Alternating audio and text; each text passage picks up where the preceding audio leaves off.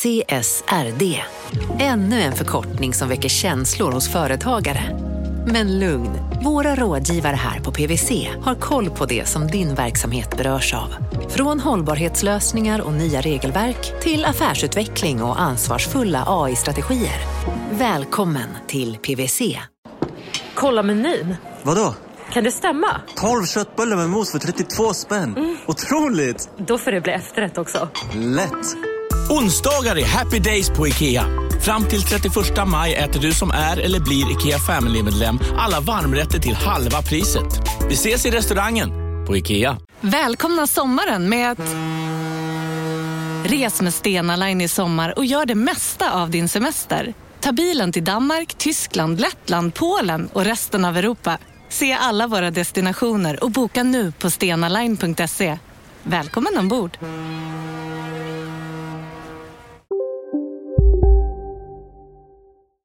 Jacob Goldstein var väl som folk är mest? Wasn't that interested in money for most of my life. I was kind of wary of money. At least I told myself I wasn't that interested in money. Men så blev det finanskris 2008. Usch. Usch. 6,5%. Eh, börsen kraschade, fastighetspriserna gick ner jättemycket och Jacob fattade inte riktigt vad det var som pågick. Vem gjorde det? Nej, jag vet inte. Jo, jag vet. Jacobs moster fattade faktiskt. Nej, men hon råkade vara en framgångsrik affärskvinna så att han kände så här, hon fattar nog mer än vad jag gör i alla fall. Mm. Bjuder ut henne på lunch och frågar helt enkelt Where did all the money go? Like just what happened to like, you know, trillions of dollars in wealth that disappeared from the value of the stock market. And she said, like, that money was never really there in the first place. She said, money is fiction. Och när hon sa det, då började Jacob tänka på pengar på ett helt annat sätt. Man kan säga att det här är lite av ett så eureka moment för honom. Mm. Han började liksom tänka på pengar mer som en idé. And I realized that there is this really interesting, really sort of human story that's not about math or, or greed, but rather about kind of the way people have, have created money and recreated money over time. That's just really interesting and illuminating. Vid det här laget så jobbade Jacob Goldstein som reporter på Wall Street Journal.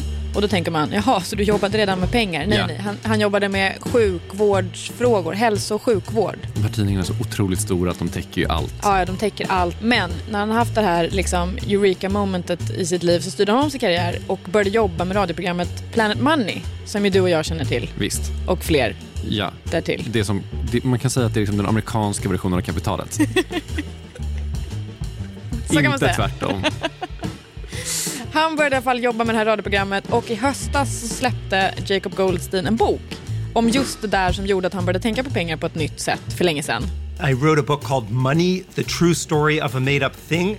Precis som att Jacob hade sitt så Eureka moment runt 2008 så hade jag det när jag läste hans bok. Jag lite, lite efter. Jag är lite efter. Ja. Ja, ja. Men nu kan vi erbjuda det till lyssnarna också. Nu kan vi erbjuda det här till våra lyssnare. Vi höjer verkligen förväntningarna genom att inleda på det här sättet. Bra. Men idag i Kapitalet så ska vi helt enkelt berätta den lite mer mänskliga historien om pengar. Eh, genom en mongolisk kejsare, en förrymd skotsk mördare och en amerikansk uppfinnare. Från Monopol Media, du lyssnar på Kapitalet med mig Åsa Secker. Och med mig Gunnar Harjus. Men först måste vi reda ut en grej. Hur pengar uppstod har vi pratat om mer än en gång i kapitalet. Mm. Pengar uppstod för att det var väldigt opraktiskt att bara hålla på med byteshandel. Exakt. Logiskt, rationellt, en rimlig förklaring. Det finns ett problem. It just turns out that uh, there is no evidence that that ever happened. Aj, aj, aj du. Ja, men vi kan trösta oss med att vi är i gott sällskap för att Jacob Goldstein själv, Adam Smith och Aristoteles har också gått omkring och spritt den här lögnen. Så himla pinsamt gjort av Aristoteles. Cancel Aristoteles känner jag. Men hur gick det till egentligen då? Alltså på riktigt? Jo, men på 1900-talet så började antropologer intressera sig för historiska samhällen som inte använde pengar, men som inte heller var renodlade byteshandelsekonomier. Uh, what they saw instead was these, you know, they are small societies, right? They tend to be tribal or, you know, organized around large extended family clans. And in these small societies, there were lots and lots of sort of norms and rules about exchange, about gift giving and about reciprocity. If somebody gave you a gift, what did you owe them back? And especially around things like a marriage is a big one. You know, if you marry someone, often you have to give their family something, some number of, say, cattle in a lot of places, but not always cattle. Uh, also, murder is another one. If you kill someone, you have to give their family some set of things. And so the notion now is that money arose from all of those rules and norms. And that does, I, I really feel like it's an important difference. You know, the barter story is very much in this kind of mathy, efficient, sort of cold, impersonal exchange world where where I used to think of money before I started studying, and where I think we tend to think of money. But the kind of gift giving, marriage, murder story is much more intensely social, right? It's it's this idea that money grows out of these deep social norms and rules, which to me really is a useful way of thinking about it. Because even today, you know, money works because uh, we have these commonly uh, shared rules about it. I mean, they're enshrined in law by and large today, but it's the same idea. It's everybody getting together and agreeing on a set of rules. Så det Jacob Goldstein det är ju att pengar har vuxit fram mycket mer genom så sociala normer och helt enkelt genom människor än vad vi kanske har trott. Vilka människor? Ja, alltså egentligen alla människor. Men idag ska vi berätta om tre människor. Ja. Eh, tre personer som jag i alla fall, och det här kanske avslöjar min okunnighet, men jag hade inte hört talas om dem innan jag läste Jacob Goldsteins bok. Kul. Vi ska börja med en mongolisk kejsare. Akt 1 utspelar sig i Kina. Eh, lite mer specifikt i Sichuan-provinsen. Mm. Så säger man. Sichuanpeppar. Mm, exakt. Eh, runt år 1000. Eh, och I Sichuanprovinsen på den här tiden så hade man redan kommit på att man kunde använda mynt för att betala för saker. Så långt hade man liksom redan kommit. Eh, men till skillnad från idag då så var värdet på de här mynten kopplade till vad metallen som myntet var gjort av var värd. Eh, och I Sichuanprovinsen så använde man järnmynt. Och järn var inte så himla värdefullt. To buy a pound of salt, you needed a pound and a half of iron coins. Ja, det är ju det här med att de använder olika mått hit och dit. Ett pund är alltså knappt ett halvt kilo, så för att köpa knappt ett halvt kilo salt så behövde man nästan ett kilo järnmynt. Svårt opraktiskt verkligen. Särskilt om man tänker att man ska köpa någonting som kanske kostar lite mer än, än salt. Ja, Ja. för det händer ju Ja. ändå i livet. Men då dyker upp en person och man vet inte riktigt vem den här personen är. Det är en lite så anonym person, men det är någon sån business-minded person, en dåtidens entreprenör kan man säga. Sichuans Petter Stordalen. Ja, exakt så. Eh, den här personen dyker i alla fall upp och säger I'll tell you what, you give me your iron coins, I'll hold them for you for safekeeping, and I'll give you a receipt, basically, a paper receipt. And you can come in and bring that receipt and get your coins back. Like a claim check, like a coat check. Eh, jag vet vad som händer sen, för att det här händer alltid. Folk börjar handla med de här kvittorna. This is, in fact, the moment when paper money is invented. We know it, we see it, it happens right here. Och det här får en massa positiva effekter på det här samhället i norra Kina eh, runt år 1000. The simple fact that in a non mechanized world, being able to move value, purchasing power, money around on a piece of paper is profoundly more efficient than having to fill up, you know, carts uh, with iron or bronze coins. Like that is a huge efficiency gain. Det som är nytt här eh, för mig, eh, för den här, den här liksom, eh, kronologin kan vi ju lite grann. Visst, från det- Sverige till exempel. Ja, från Sverige till exempel. Men det är tidpunkten. Ja. För att alltså, i Sverige så dyker ju inte papperspengarna upp förrän i mitten på 1600-talet. Nu pratar vi om år 1000. När vi typ fortfarande åt bark i Sverige. Ja men alltså fanns Sverige? Det är det man undrar. Ja. You have these giant flourishing cities. There's a city with a million people, you know, 10 times bigger than any European city at the time, and, and a restaurant scene, and really an incredible moment where, you know, before 1800, before the Industrial Revolution in the West, you almost never saw the kind of economic growth that we uh, sort of take for granted now, right? The, the notion that people in general can get richer over time from productivity gains was just not part of the world scene, really. But it happened at this moment, and paper money was part of that. Det blomstrar, livet är härligt, det blir 1200-tal. In kommer mongolerna. The Mongols ride in, the Mongols conquer China uh, in the early 1200s. Kublai Khan becomes the Great Khan. Ba- Bara kort fråga, de här nya mongoliska härskarna, hur känner de för alla de här uh, papperspengarna som fladdrar runt i Kina?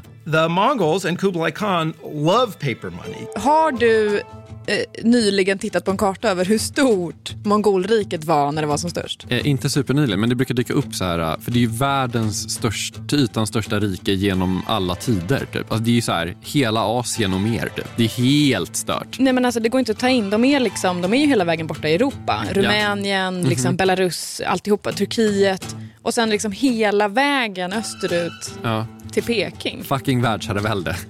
24 miljoner kvadratkilometer för att vara lite mer exakt.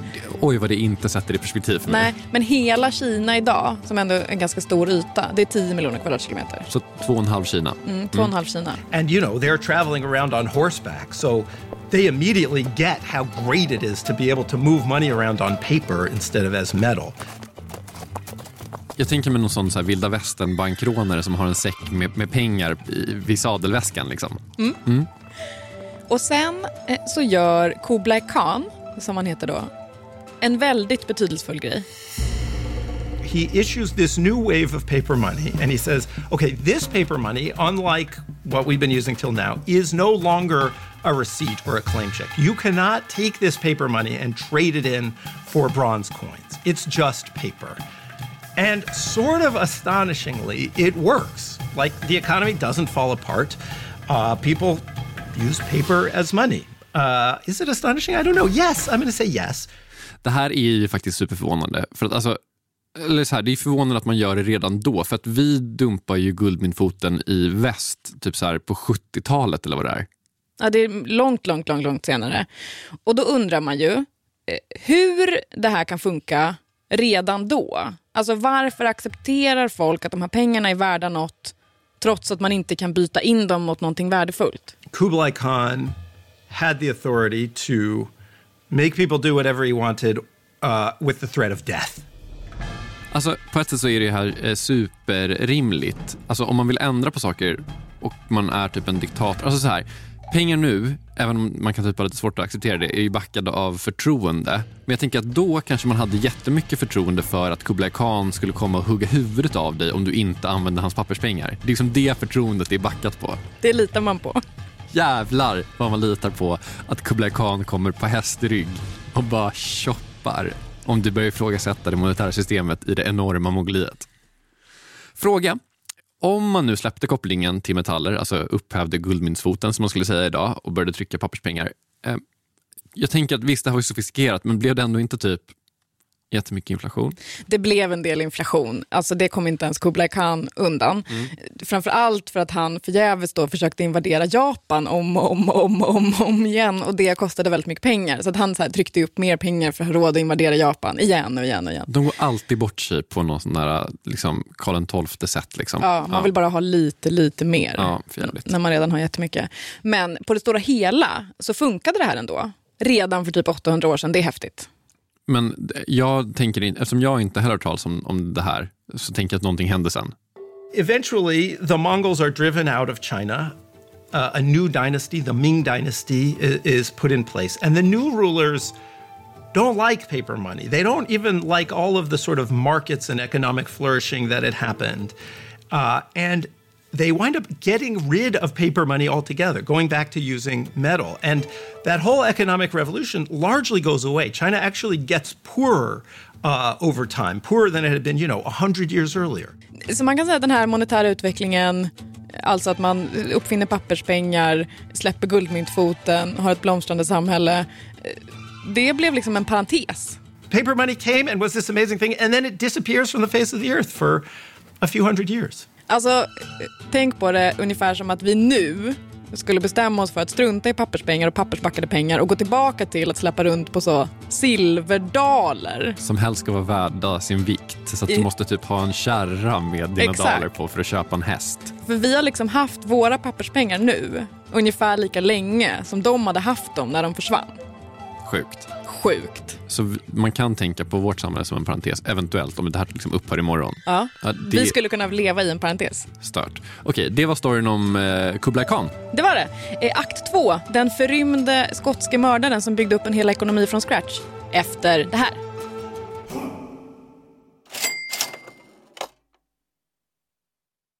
Vi sponsras av alltså Storbrand Asset Management som ju förvaltar över 1000 miljarder norska kronor, bland annat för SPPs eh, många pensionssparare. För två år sedan så investerade Storbrand i drygt 60 tåg, alltså tågvagnar, eh, som rullar mellan London och Skottland. De leasar sedan de här tågvagnarna till tågoperatören som alltså kör tågen och säljer biljetter och sånt eh, med ett avtal på 27 år. Så britterna får nya fina tåg och storbrandskunder, eh, däribland alltså SPPs pensionssparare, får en inflationsskyddad avkastning med låga risker under lång tid.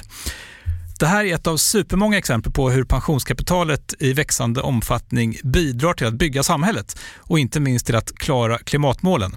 Det behövs elproduktion, elnät, batteriparker, nya transportlösningar och allt möjligt. Bara i Europa antas investeringsbehovet för att klara klimatmålen uppgå till tusentals miljarder dollar. Och det här är ju pengar som ganska ofta saknas i statsbudgetarna.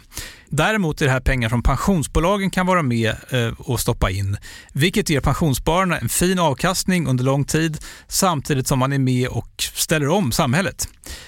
Vi har gjort ett helt avsnitt om det här eh, som man kan lyssna på. Det publiceras här i Kapitalet i mitten av maj.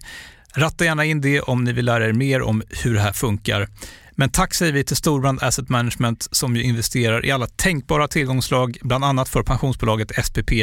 Och tillsammans försöker ju vi, Storbrand och SPP, öka medvetenheten om hur pensionerna funkar och vilken roll pensionerna spelar i samhället och i ekonomin.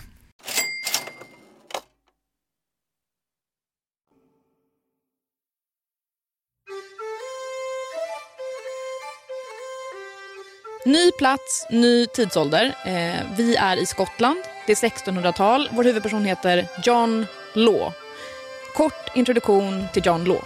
He moved to London as a young man, was kind of a man about town, uh, gambled and drank and chased women, and he got into a duel and killed a man, killed the guy he was dueling and was arrested and convicted of murder and sentenced to death. And then he escaped from prison and went on the lam uh, to Europe. And then he did all this other stuff. Allt det här som faktiskt lät kul och spännande med, som en mordpodd som vi skulle kunna få en miljon lyssningar på, det antar jag är totalt ointressant för oss, eller? Ja, absolut. Ja, så vi ska prata om när han gjorde all this other stuff. Ja, låt oss prata om all the other stuff.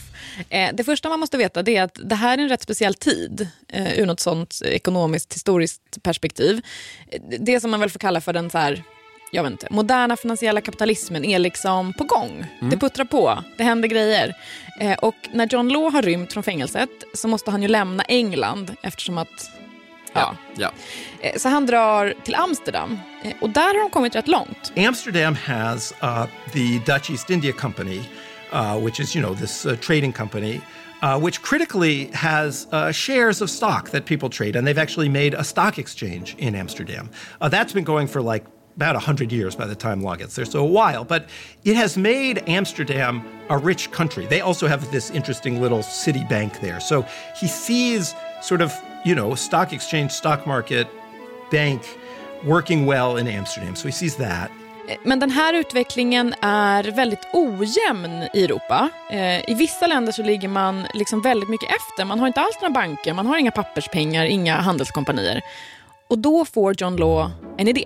And so he realizes he can sort of take all of these things and put them together and, and make a country you know, build a modern economy essentially from scratch in a country. So he first tries in Scotland.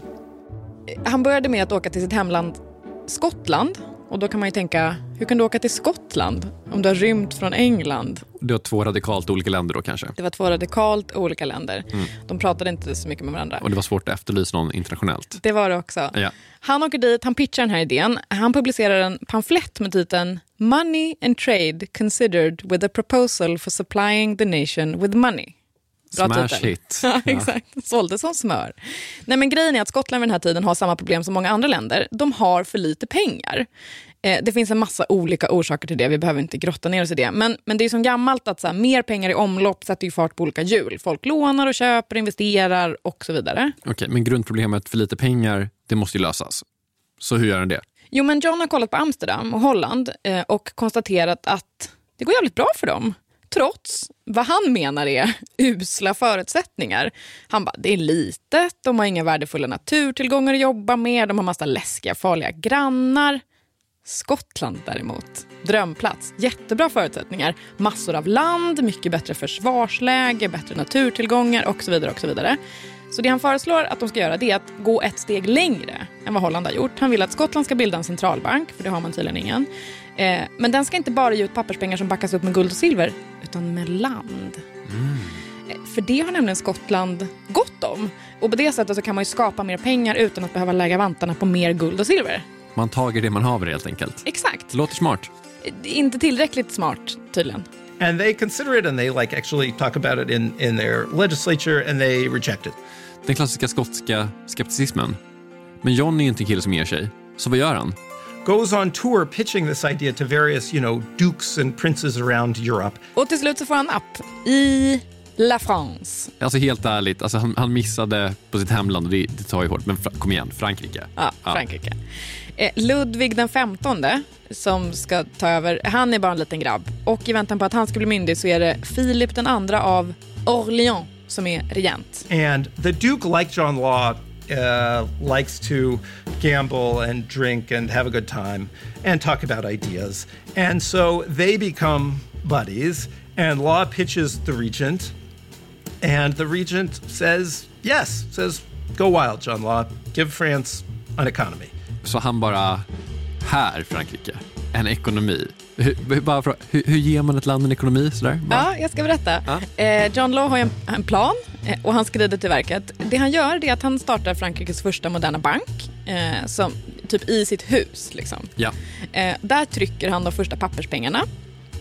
Och sen, eftersom att han är polare med, med killen som styr, så får han då rätt att kontrollera de här franska territorierna i USA, eh, som Frankrike har lagt vantarna på. Det är jättestora områden, alltså det är typ hela mellan USA, vad säger man? Mellanvästern.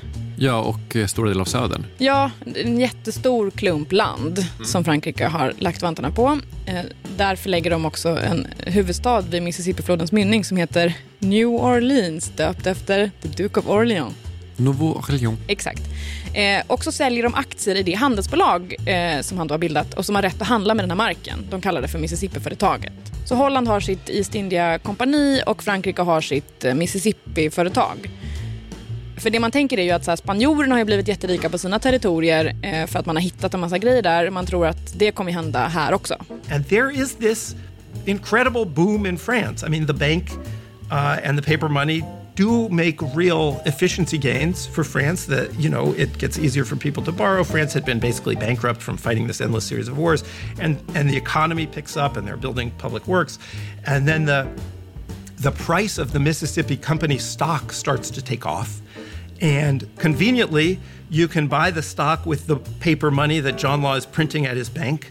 So he's printing more money and people are buying more stock. And people are coming into Paris to trade the stock. They actually close off this narrow little street uh, to make a sort of outdoor stock exchange. And the price of the stock is going up and up. Jag tror också att det var så att man fick bara köpa aktier i det här företaget med John Laws pengar. Och först är det ingen som, som vill köpa aktier i det här företaget för alla bara John Law, vem är det? Men då går den här regenten in och bara jo men jag köper och alla bara ha det är stöttat av kronan, så här, toppen, då köper vi också. Och så får de snurr på grejer. People actually are getting so rich they have to invent a new word to describe how rich they're getting. They invent the word millionaire at this moment. Det här är som de första miljonärerna. Ja. Otroligt. Men det låter också som det här skulle kunna leda... Alltså, han hittar ju på de här pengarna. Det skulle kunna bli ganska mycket inflation igen för att vara inflationskillen som kommer och säger inflation kanske? Frågetecken. Exakt, det är lite din go-to. Ja. Eh, ja, men absolut, det spårar ur. Eh, inflationen sticker iväg, han tappar liksom kontrollen över det här. Och John Law eh, ser det här, han är inte dummare än så, liksom, och försöker bromsa den här utvecklingen genom att justera olika saker. Han liksom sänker värdet på olika grejer. Han har ju total makt över hela systemet, så han går in och försöker justera. Eh, och till slut, he, he pulls basically a Kublai Khan. He says, you know, uh, your paper money is just going to be paper. You can't. You're not going to be able to trade in any gold or silver for your paper money. Och kineserna och mongolerna eh, kanske köpte det för att de eventuellt inte hade något val. Men så lätt lurar man inte en fransman. Nej, nej. Eh, så det blev kaos. Everything basically collapses. The the stock price falls, and the uh, economy collapses and John Law gets essentially chased out of Paris by a mob. De hade liksom inte samma förtroende för att John, någon jävla skotte skulle komma över huvudet av dem som, som mongolerna hade med Kublai Khan. Nej, de litade inte på det. Det är liksom, läxan man måste lära sig här är liksom att du måste ha ett större våldskapital om du ska kunna upplösa en guldmyntfot. Exakt. Eh, nej men han, han får dra, eh, han känner att han har inget val. Eh, han försöker först slå sig ner i Belgien, eh, men till slut så bara, äh, fan jag vill åka hem. Eh, och då åker han till England och så ber han om att bli benådad för det där mordet som han begick för många, många år sedan och det blir han. Bara sådär. Bara sådär. Skönt. Ja, skönt. Det hade gått många år, water under the bridge och så vidare. Eh, men sen så tröttnar han ändå på att vara eh, hemma på ön så att han drar till Venedig och så spelar han bort sina sista pengar och så dör han när han är 55. Folk gör det verkligen så himla ofta på den här tiden. Men okej, får han liksom någon långvarig effekt ändå i Frankrike? Han skapade ändå en, en hel jävla ekonomi. It's amazing. It all goes away. Again, sort of echoes of Kublai Khan. They get rid of paper money in France. Nej men det blir lite som i norra Kina, att det liksom är en blipp som, som kommer och går. Men det som är intressant här det är ju varför det inte funkar i Frankrike. För att eh, om man tänker på hur det var på den här tiden. I England och i Holland så hade man ju också papperspengar. Man hade banker, man hade sina handelskompanier. Utan att allting spårade ur och kollapsade efter ett tag. Men här finns det en skillnad. eh, För att i England, om man tar det som exempel, de hade ju Bank of England. Där fanns det ett parlament med en hel del makt. Och så fanns det en kung. Men i Frankrike så fanns det bara en kung. In an absolute monarchy, it's very hard to create a bank and paper money and an economy uh, because there aren't any any checks on the power of of the monarch. And in this instance, the power of the monarch was basically vested in John Law, and so he was able to sort of get carried away with himself uh, and and you know create this bubble that wound up being catastrophic in a way that might have been harder for him to do had there been more of a check on his power. Och det här är såklart inte den enda anledningen till att det inte funkar. Eh, det där stora territoriet på andra sidan Atlanten blir inte heller alls så lönsamt som man hade hoppats och så vidare och så vidare. Men det är en förklaring. Så vad har vi lärt oss i akt två? Eh, vi har lärt oss att det fanns en mördare som hette John Law som dök upp i Frankrike på 1600-talet och lyckades övertala regenten att vi kör ekonomi va, gänget och regenten bara ja. Och så gjorde man det och så fick Frankrike sina första papperspengar och sin första moderna bank. Men sen föll allting på att man hade gett för mycket makt till en kanske lite maktgalen och girig förrymd skotsk mördare. Alternativt att den här förrymda skotska mördaren hade lite för lite våldskapital. Det är min teori lite mer än, än Jacob Goldsteins. Där får man välja kanske liksom, vem har TF och så vidare. Ja.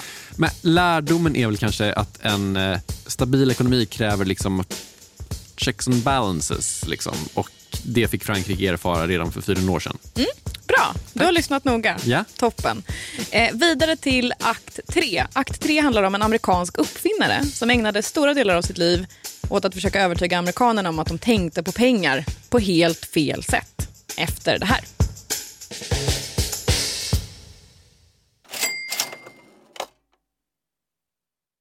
Kapitalet sponsras av Master Exchange, plattformen där du som privatperson kan investera i låtar och får pengar varje gång de här låtarna spelas. Eh, vi berättade ju senast eh, om barnlåten Puff the Magic Dragon som noterades av Master Exchange under våren. Nu har utdelningen på den låten kommit, eller royaltyn som vi säger i musikbranschen. Eh, den ligger på drygt 12% i årstakt och det här är ju en avkastning som är helt okorrelerad till eh, börsen. Till och med Goldman Sachs har börjat skriva om just musik som investering eh, just ur det här perspektivet. Nu finns en möjlighet att investera i en ny låt. Eh, låten heter Boss Bitch och den är av Doja Cat som, alltså jag ska inte säga att jag är superdeep här men det är ändå en, en person som jag vet om det är. En, en världskändis. Den här låten gav baserat på förra årets spelningar en avkastning på drygt 13% Master Exchange har just nu en väntelista på registreringar. Det, det går lite för bra för dem kan man säga. Men skriver ni in kapitalet som promo code så kan ni runda kön och ansöka om andelar i låten Boss Bitch ändå. Om ni investerar helt vanliga pengar, det är inget krypto eller sånt där. Så vill du investera i musik och få en avkastning som är helt okorrelerad med börsen och kanske inte minst för att det är kul att äga låtar eh, så kan man gå in på masterexchange.com och använda kapitalet som promocode så går man alltså förbi kön. Kom ihåg dock att alla investeringar är förenade med risk, men vi säger stort, stort tack till Master Exchange. Kapitalet sponsras av Karla, Jakob. Ja, bilar igen. Ja, det är härligt. På Karla kan man sälja sin elbil eh, på det gissningsvis smidigaste sättet i Sverige. Eh, Karla har ju ett nästan ett komiskt högt användarbetyg på Trustpilot. Mm. 4,8 av 5, vilket jag typ aldrig hört talas om. Nej, det är väldigt, väldigt högt. Eh, Man knappar in lite info om bilen på sidan, sen får man en gratis värdering och ett bud. Accepterar du budet kommer Karla och hämtar upp bilen gratis och sätter in pengarna innan de kör iväg. Inget mer än så. Rätt fantastiskt. Nej, det är faktiskt Ja. helt otroligt. Och eh, det kan bli ännu mer eh, otroligt än så. eh, För att vi har nämligen en rabattkod som ger dig 2000 kronor extra för bilen. Så om du säljer din bil så får du två lax extra. Stämmer. Bara sådär. Koden är Monopol och den uppger du när du har värderat bilen och pratat med Karlas inköpare. Koden är giltig till sista maj så att passa på om du går i säljartankar. Jag undrar om vi haft en kod som har gett två lax bara sådär någon gång. Nej. Det är helt otroligt. Man behöver en bil förvisso. Absolut, så det är inte, kanske inte bara sådär, men det är ändå 2000 kronor extra. Väldigt bra. Ja. Så sälj din elbil eller laddhybrid till Karla. Du får 2000 kronor extra med rabattkoden Monopol. Eh, hoppa in och kolla på karla.se, Karla Museet. Där kan man också köpa bilar ska jag tillägga. Verkligen. Vi säger stort tack till Karla. Vår tredje och sista huvudperson heter Irving Fisher. I'm delighted that you want to talk about Irving Fisher, let me just say. Det har sagts om Irving Fisher att han var en av de första kändisekonomerna. Inte superkänd va? Nej. Aldrig hört talas om honom. Exakt samma här. Jag vet inte om det säger mer om oss än om Fisher. Nej. Eh, kort CV på Fisher. Han var ekonom, han doktorerade på Yale. Eh, han var också statistiker och uppfinnare. Han försökte bland annat lansera en 13 månaders kalender. Lite oklart hur den skulle fungera. Jättebra idé väl? Det blir alla eh, månader blir väl fyra veckor, 28 dagar och man skulle kunna ha det är också 13 faktiska måncykler på ett år väl tror jag. Ja, du och Fisher hade kommit Jag lysande bra överens. Och då skulle mån... ah, det skulle hur bra Ja, som helst. Jag är team Fisher känner jag redan. Älskar Ja. den här människan. Han var också väldigt intresserad av att eh, förlänga människans livslängd. Eh, han brann för eh, vegetarianism, säger man så? Ja. Ja, eh, det, det var inte så många som gjorde det för hundra år sedan. 1907 så gjorde han tester med ett gäng idrottsmän för att jämföra de som åt kött med de som inte åt kött och kom fram till att de som inte åt kött var mer uthålliga. Han bara, saken är avgjord. Mm. Ja. Och det här var på... Ja, men okej, så det, det är början av 1900-talet som han håller på. Ja, det är början av 1900-talet. Eh, Han var också för det som man väl skulle kalla för rasbiologi eller rasförädling, eugenics på engelska. Ja, inte toppen. Inte toppen. Det var väldigt vanligt då, avskyvärt såklart. Ja. I was thinking about this last night after you mentioned you were interested in talking with Irving Fisher. And you know who I thought of was some of the sort of uh, tech billionaires now, right? Like this idea of both confidence and a sense of like, of betterment, right? An, a, a desire to make the world better, or, or the kind of confidence that's like, I know ways to do everything that are better than we're doing them already. I'm gonna live longer, I'm gonna be more fit, and we're gonna do money the right way. Like, that sounds very like tech bro in a way, right? Det här är som du hör en man med många talanger och det finns mycket han skulle kunna vara ihågkommen för. Men det finns en grej som han är lite särskilt så förknippad med. Den 15 oktober 1929 så är han inbjuden att hålla ett tal under en middag med The Purchasing Agents Association. Gud vet vad det är för någonting. New York Times är i alla fall där och bevakar. Han var ju trots allt en kändisekonom. Och i tidningen dagen efter så kan man läsa att Fisher har sagt att aktiepriserna har nått what looks like a permanently high plateau.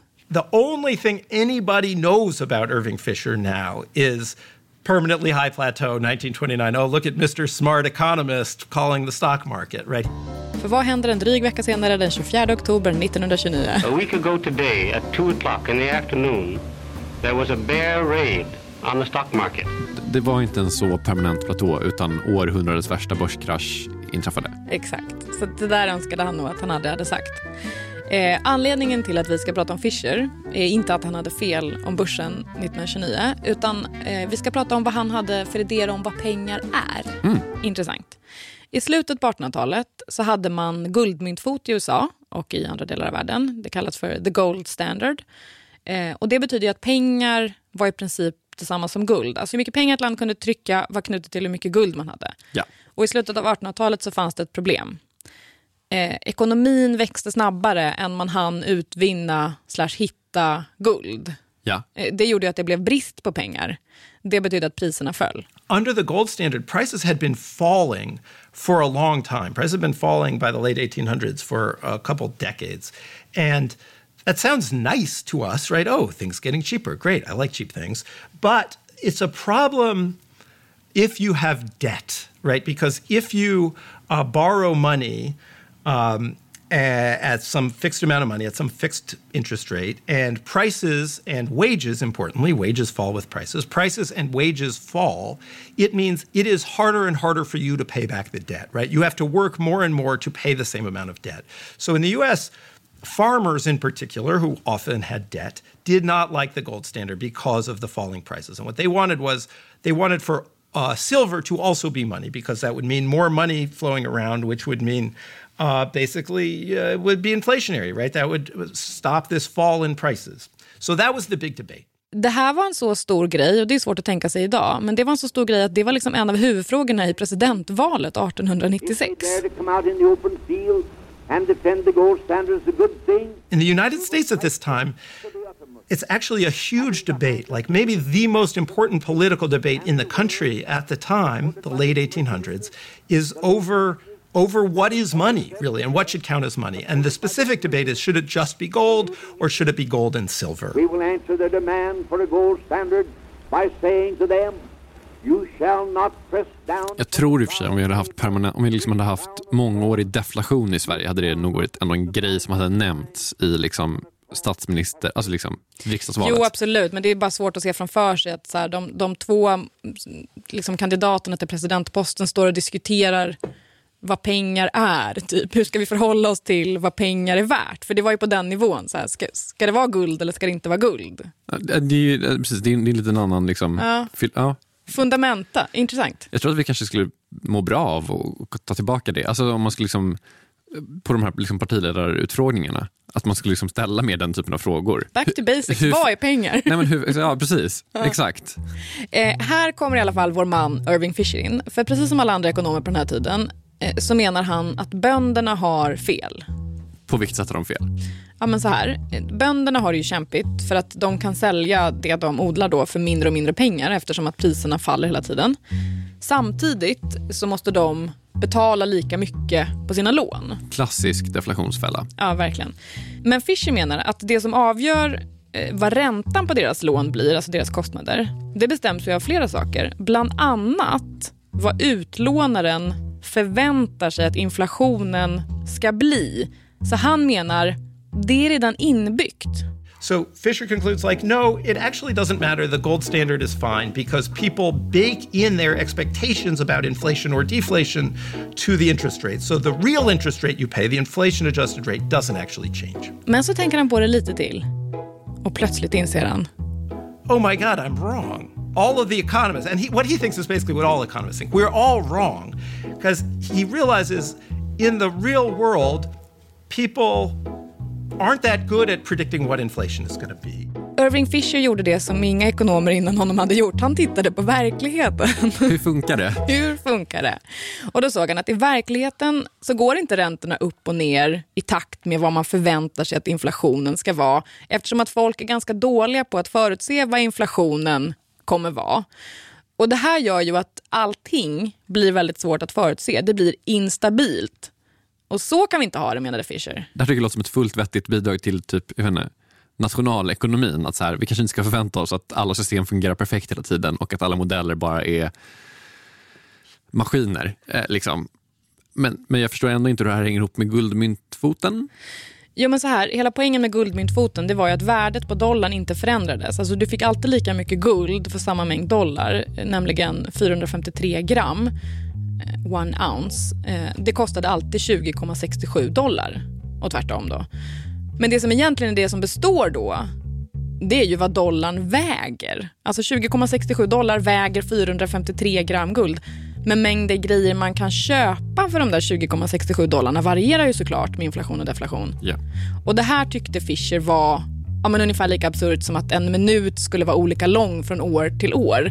För det som folk bryr sig om är ju... How much bread and beer and rent does it buy, right? What we want to be stable year in, year out, or at least, you know, predictable, is, uh, is that. Jag kan se att det finns ett problem här. Så hur löser man det? Jo, men man definierar om pengar. Alltså han ville att man skulle definiera pengar och pengars värde utifrån vad man kunde köpa för dem. Inte hur mycket guld man kunde få för dem. Så istället för att man alltid får en fast summa guld för en specifik mängd dollar så ska du få en bestämd mängd varor för en bestämd mängd dollar. Du ska, få liksom, du ska alltid kunna köpa tre liter mjölk, två limpor bröd, fyra öl och en burk majs för 20 dollar. Ja, bra. För det han såg var ju att när köpkraften går upp och ner på ett oförutsägbart sätt så påverkar det människors liv helt enormt mycket. Och det var ett problem som han ville lösa. Okej, så han liksom ville att folk skulle skippa guldmyntfoten för att han menade att det skulle stabilisera priserna? Exakt. Men det fanns ju en pedagogisk utmaning i att försöka förklara det här för folk. Ja, jag känner den själv just nu. Jag med. Så hur löser han det? Jo, men han börjar ta fram olika prisindex eh, som han ser till så att de publiceras i tidningen. Jag vet inte om han köper annonsutrymme eller vad han gör. Han kanske har polare i media. Ja, mycket möjligt. Han var ändå kändisekonom. Eh, men istället för att säga att priserna har gått upp eh, så sa han att dollarns köpkraft har minskat. Alltså det betyder samma sak, men med den nya formuleringen så är det ju dollarn som framstår som instabil. Smart. Ja, rätt smart. Men han nöjer sig inte med det, vår man Irving Fisher, utan han sätter också igång och kampanjar för det som han menar är lösningen på pengaproblemet. Alltså att man ska definiera om vad pengar är. And he is this really amazing, sort of energetic campaigner. Uh, he's this polymathic guy. He starts all these companies.